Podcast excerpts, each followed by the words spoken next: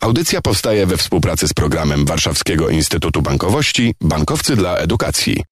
Trzy grosze o ekonomii. Dzień dobry, Piotrek Topoliński. Płatności mobilne, praca zdalna, cyfrowa przemiana to wszystko dzieje się tu i teraz. Zarówno młodzież, jak i osoby w średnim wieku, seniorzy, musieli, chcieli przenieść się po części do przestrzeni wirtualnej. Tak było w zeszłym roku, a dziś będziemy rozmawiali o nowych umiejętnościach, które dzięki temu pozyskaliśmy. Transformacja cyfrowa środowiska pracy w sektorze finansowym po pandemii, w tym nowe potrzeby kompetencyjne kadry sektora i nowy proces uczenia się.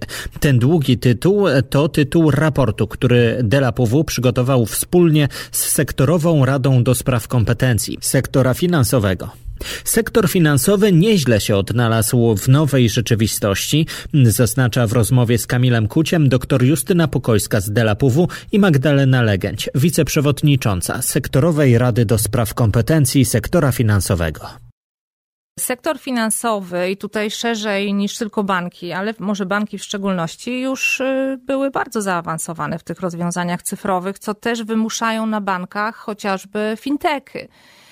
My po prostu konkurujemy bądź współpracujemy z fintechami i ta konkurencja i współpraca wymusza. Fintechy, czyli? Fintechy, czyli takie firmy oparte na technologii, które dostarczają klientowi usługi finansowe, ale nie są bankami. Natomiast są technologicznie bardzo, e, mhm. bardzo zaawansowane. E, mamy fintechy, mamy tech legal, bardzo szeroko rozwinięty i tu zwracam uwagę chociażby studentom prawa na to, żeby się zainteresować tech legalem, bo to też będzie wielka i rewolucja, która już się rozgrywa.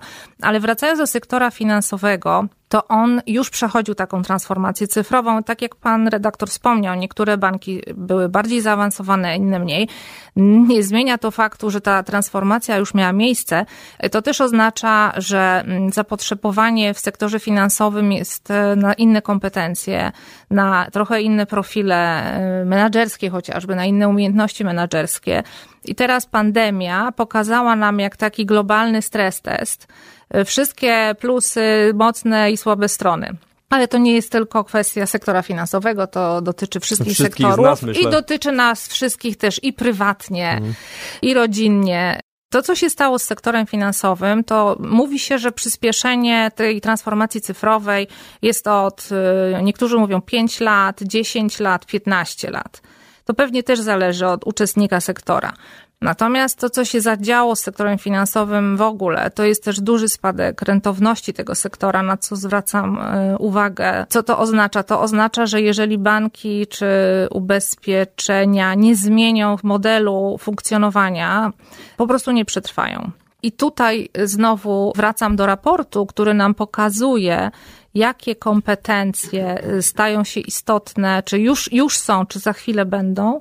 I te kompetencje tak naprawdę warto by było, y, żeby nabywać już na etapie nauki, chociażby już szkoły podstawowej, średniej. I nad tym pracujemy w ramach Rady Sektorowej, żeby z wszystkimi uczestnikami rynku, w tym z uczelniami, tutaj świetna współpraca z DELAB, żeby taką transformację nie tylko samego sektora, ale dużo szerszą prowadzić w ramach tego, jakie kompetencje kształtujemy, w, czy to w ludziach młodych, ale też u dorosłych, bo uczenie się dorosłych to jest też bardzo ważny element, nad którym dużo jest do zrobienia. Też na tym bankowym przykładzie mm, możemy fajnie pokazać, że sztuczna inteligencja odgrywa coraz większą rolę w ogóle w naszych życiach i po części zagraża ona stanowiskom pracy, jak czytamy w raporcie. Najprawdopodobniej będzie można lada moment całkowicie pozbawić e, stanowiska na rzecz komputera pracowników biur maklerskich, inspektorów e, kredytowych czy kasjerów. Czy to oznacza, że w pewnym momencie zaczną nam doradzać finansowo komputery?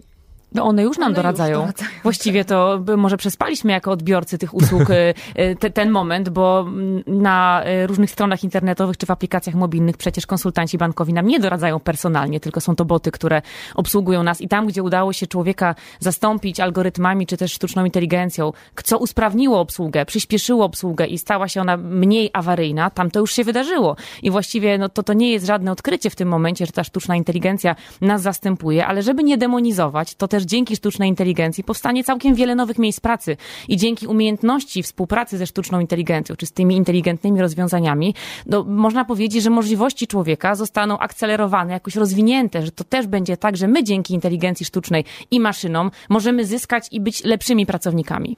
Kamil Kuć pyta m.in. o skutki automatyzacji, które miałyby dotknąć głównie stanowiska zajmowane przez kobiety, czytamy w raporcie. Z czego to wynika? O tym Magdalena Legęć. Jeżeli spojrzymy na strukturę płci zatrudnienia w bankach, to tam tych kobiet jest dużo. Im wyżej, tym mniej, ale to są właśnie takie stanowiska w operacjach, w call center. Zresztą już dzisiaj w call center często pracujemy z robotami, z botami. Mamy tak niską świadomość tego, jak często kontaktujemy się z botami. Wydaje nam się, że to jest prawdziwy człowiek po drugiej stronie, a to jest bot. Warto sobie posprawdzać takie rzeczy. To jest y, złudne i to w sumie o to chodzi, żeby było takie wrażenie, że kontaktuje się z człowiekiem. Na rynku finansowym od lat obserwujemy kurczenie się ilości miejsc pracy, także to nie jest nic nowego i ten proces będzie postępował. Wspomniałam o spadku rentowności sektora finansowego nie tylko z powodu pandemii, ale to jakby pandemia się do tego dołożyła jeszcze bardziej. To też powoduje mniejsze zainteresowanie inwestorów tym sektorem. To też powoduje, że będziemy bardzo uważnie w sektorze patrzeć, czy inwestorzy będą patrzeć na przychody, które topnieją. Koszty rosną. Znowu, rentowność w związku z tym jest taka sobie. Żeby to zmienić, trzeba zupełnie zmienić model obsługi, a to też jest wymuszone zmianą demograficzną, ponieważ młodszy klient zwłaszcza ale nie tylko. Oczekuję takiego doświadczenia klienta jak na przykład Netflix, tak, czy inna tego typu platforma. Oni w ten sposób chcą bankować. Oni w ten sposób chcą kupować usługi ubezpieczeniowe. I ja tak podaję przykład chińskiego startupu. To jest aplikacja aplikacja, która bada 5000 parametrów klienta. To jest do takich szybkich pożyczek. Co się dzieje? klient od momentu, kiedy wykona pierwsze kliknięcie w aplikacji, do momentu, kiedy pieniądze znajdą się na koncie, mija niecałe 10 sekund. To sobie wyobraźcie, co tam się dzieje w kuchni, bo to nie jest kwestia tylko tej apki, tylko co się zadziało na zapleczu, jaki tam jest silnik, i też jakie kompetencje mają ludzie, którzy pracują w tym startupie i przy tym, żeby coś takiego zaprojektować. Oczywiście możemy mówić, że w Europie to jest niemożliwe, że inne regulacje, tak, ale ja podaję taki ekstremalny przykład tego właśnie startupu, bo to jest to, do czego trochę będziemy zmierzać, a taka obsługa klienta przez człowieka, pracownika instytucji finansowej stanie się trochę dobrem luksusowym. Czy stajemy się samoobsługowi i w pewnych miejscach, takich jak banki, nie będą niebawem potrzebni pracownicy? Jeżeli spojrzymy globalnie na gospodarkę, no to są obszary, które bardziej się cyfryzują. Pojawiają się też nowe zawody. Są zawody, które y, niedawno jeszcze mówiono, że nauczyciela się nie da zastąpić, ale już pojawiły się roboty takie wspomagające uczenie w Japonii na przykład. To jest bardzo powszechne, więc okazuje się, że tak. Czy to znaczy, że na, zawód nauczyciela znika? Nie. Tylko znowu wracając do tej pracy zdalnej, nauki zdalnej. Tak, ale inaczej. I tu jest największe chyba wyzwanie, żeby zmienić metodykę, metodę pracy zdalnej, żeby zmienić metodykę, metody nauczania zdalnego. To nie jest proste przejście z tego, co było w realu na online, tylko trzeba to zrobić inaczej, żeby utrzymać uwagę uczącej się osoby czy pracownika, żeby utrzymać zaangażowanie. Inaczej też menadżer zarządza pracownikami, którzy pracują zdalnie i są rozproszeni.